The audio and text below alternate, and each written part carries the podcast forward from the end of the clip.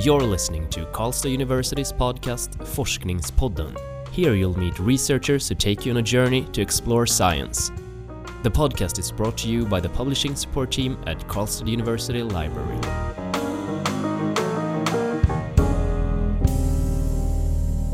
Hello and welcome. My name is Nadia. And I'm Magnus. And we're joined in the studio by Leonardo Horn Iwaya, who recently defended his licentiate thesis in computer science. Welcome, Leonardo. Thanks for having me. Your thesis is titled Secure and Privacy Aware Data Collection and Processing in Mobile Health Systems. Mm. Can you tell us what it is about? Yeah, right. So the keywords in the in the title are security and privacy. We have different definitions for both and also mobile healthcare application is a trendy area in healthcare. Everything is actually going mobile. So I'm focusing in these mobility aspects, these uh, applications that run in very constrained device and in the field of healthcare, trying to make it secure and privacy preserving as much as possible. Can you give an example of? Yeah, yeah. So um, you can have any kind of sensors attached to your body doing any kind of measurements about cardio, glu- glucose levels, uh, heartbeat, and well, uh, hypertension. And all these sensors might communicate with your mobile device, your cell phone, and send it to the doctor. So there is a lot of data, personal data, your data, that's being sent to the doctor. And what you want to to do is be sure that everything is protected. So no one will tamper with the sensors. Uh, no one will read the data that's being sent from the sensors to the mobile phone and from the mobile phone to a web server in the hospital or something like that. So you have a lot of hops to protect uh, since the data is collected until it's sent to the server in the hospital and then processed there and who is looking to your data and why and uh, for which purpose. So that's more or less a summary of mobile health uh, process. And these security aspects, you look at them from the start, from data collection to the server, or is it only specific steps in this process? Mm -hmm. Okay. So when we talk about security, we normally use uh, other words to be more specific, which are confidentiality. Um, you have data which is confidential. Just a few people might be authorized to see you, uh, your data, and for some reason, integrity, which no one will try to change your data. For instance, your heartbeat, put it really low level, and then actually you are in, uh, having a heart attack, and someone is uh, changing your data. And this, uh, the third one is availability. So be sure that people that need to access your data, they will be able to do that and see and, well, uh, process it and give you any kind of service. So that's why what we call security in the data. And th this is the whole process uh, from data collection to processing. And when you are creating any kind of uh, application, in the very beginning, in the very conceptual phase, you have to start thinking about which kind of data you were collecting, and how to protect it, and how you would do in, in your scenario, in your kind of application. How, how did you go about to get your results? Oh, okay, so uh, my field, it's uh, I have in my research two main, I would say, phases. One started in Brazil. Uh, during my master, I was mostly looking into security, as I just said. And there we were in uh, LARC, uh, Laboratory of uh, Computer Architecture and Networking, uh, in Sao Paulo, and we had a project with Ericsson, sponsored by Ericsson Sweden and Brazil. So their idea was to create uh, applications that were relevant to Brazil, the, the Brazilian healthcare environment. So it was, well, how to get the result. it's a bit complicated, so that's why I'm explaining yeah, everything for. Yeah. And so first we uh, understood what's going on in Brazil regarding healthcare and what's possible to do in this mobile fashion. So one of the big projects that we had, uh, also advised by the Heart Institute in São Paulo, uh, was data collection of primary healthcare. So in Brazil, we have this kind of very spread out uh, agents. We call healthcare agents or community health agents, and they go to the family house. They collect data about sanitary conditions, uh, number of people living there, children, vaccination, all kinds of primary healthcare data we call, and then all this data should be sent to the hospital, and they will provide uh, basic healthcare and promote campaigns and so on. So to get the result, it was uh, defining the the applications or designing an application that was that would help these community health agents to do their job uh, in a secure way, very yeah, secure and privacy preserving. Um, and to implement it, we really needed the Heart Institute because they were managing the health units there in Sao Paulo to really go and talk to the the agents, uh, train, and then teach them how to use the application and really deploy it in the field. So we had more or less like a hundred thousand people being covered by this system just oh, wow. in the Mm. in the pilot project. So it was one of the interesting results to understand and be able to share this experience in deploying a big system in large scale and how to deal with security.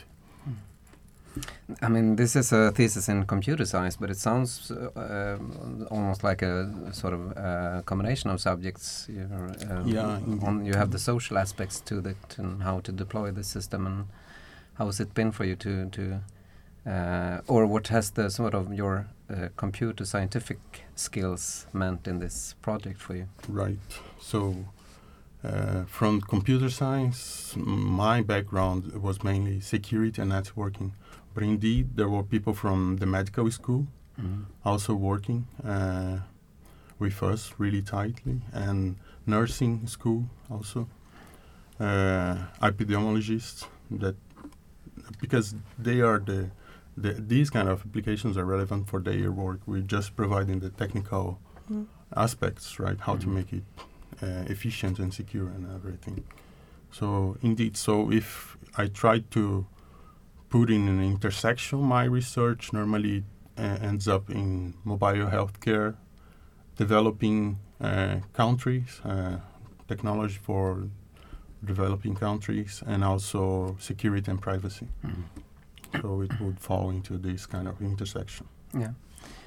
What would you say are the differences? Uh, I mean, you have uh, invested, investigated a, a developing country such as Mhm, Brazil. mhm. What is the dif- difference if you had done it, for example, in Sweden instead?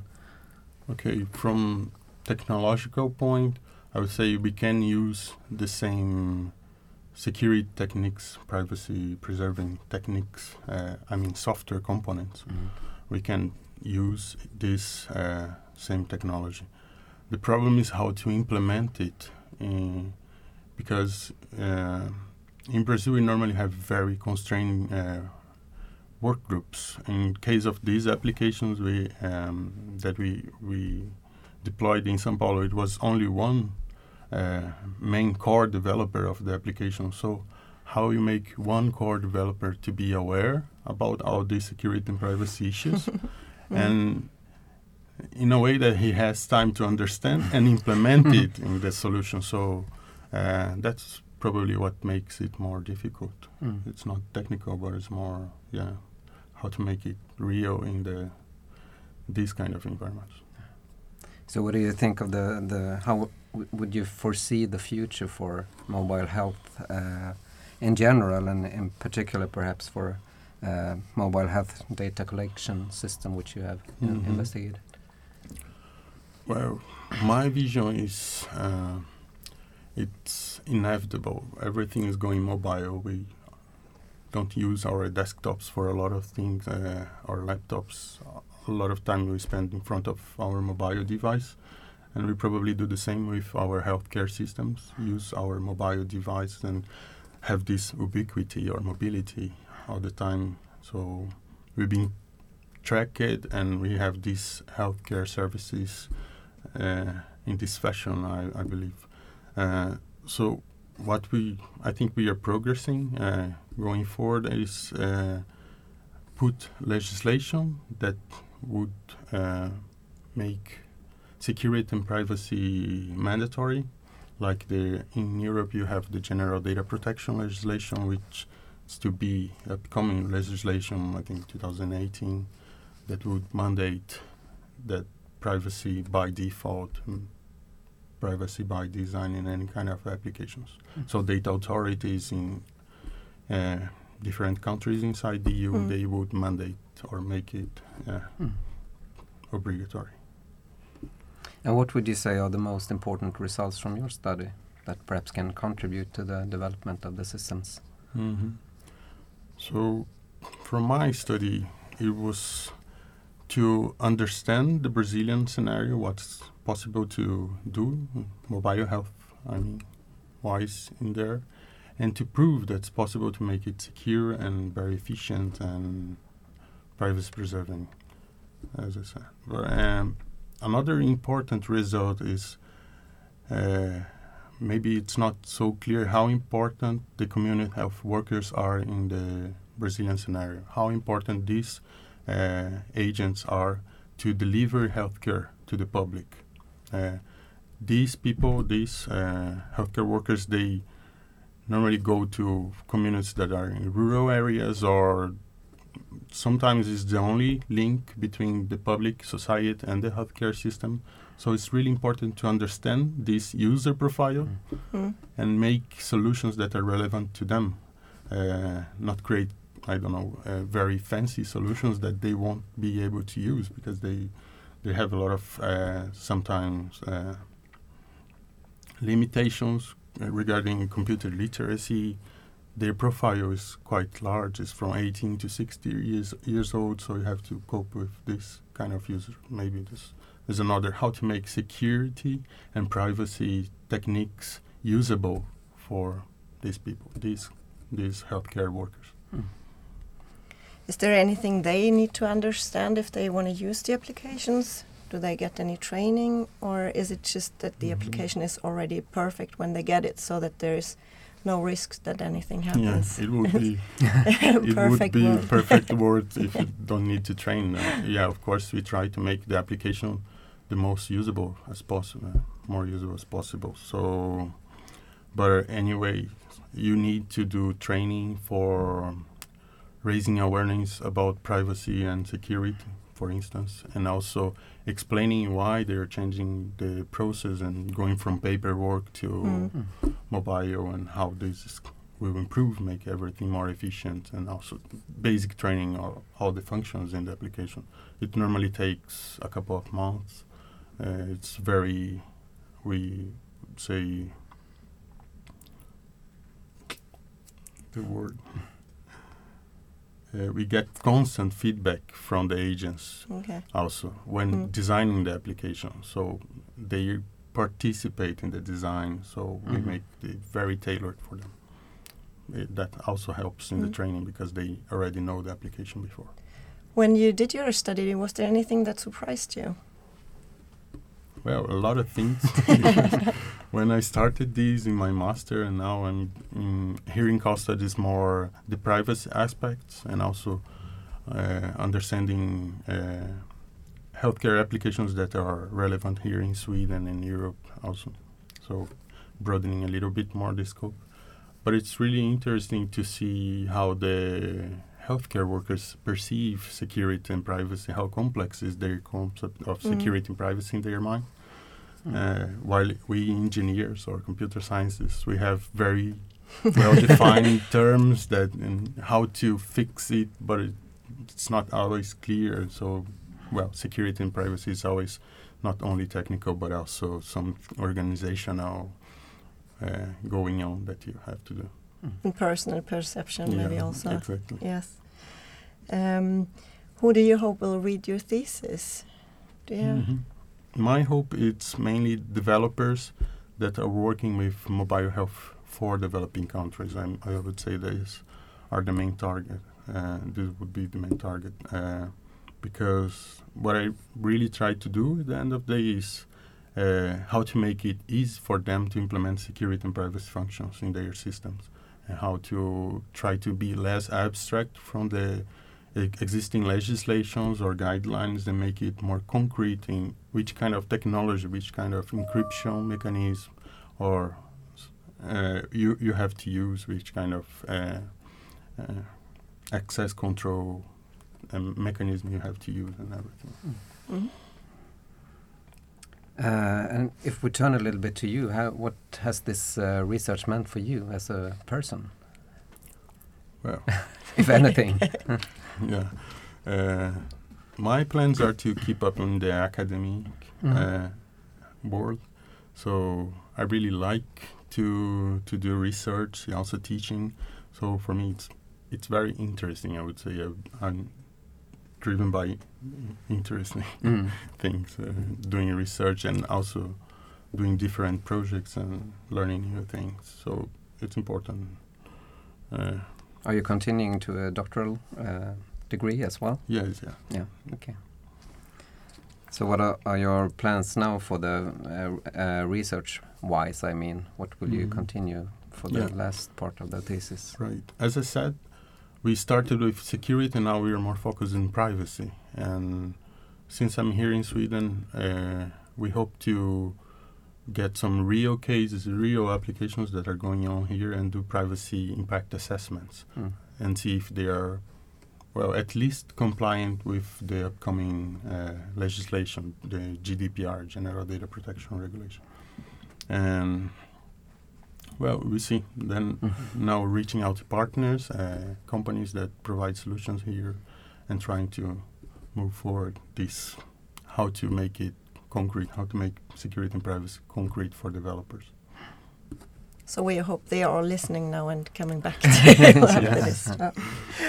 Uh, our time is running up, uh, but we have just one last question now. Um, you have been a PhD for quite a while now. What is your advice to people that maybe want to get into research and become a PhD too? Do you have any good things that they should consider? Hmm, that's a good question. yeah, okay. I think research is really personal thing. Uh, if you like to do a lot of reading and studying, research is might be very yeah uh, easy to you to to follow, uh, and also if you it's some kind of putting a mark when you publish a paper you have your name there and it's published and everyone can see and it's kind of uh, satisfying to to I mean try to push a little bit further the boundaries of science and Mm. so on. So it's a really interesting and uh, nice uh, work to do, as many other different uh, works, uh, professions. So if you have something that you're really interested in, you should Yeah, proceed. Okay, thank you very much, Leonardo, for uh, guesting our, us here today in Forsknings, Forskningspodden, and uh, good luck with your upcoming research. Uh, we also want to thank our listeners today. We welcome you back next time when we will meet Raghu Deshpande, who recently defended his thesis in chemical engineering. You have listened to Karlstad University's podcast Forskningspodden. The podcast is brought to you by the publishing support team at Karlstad University Library.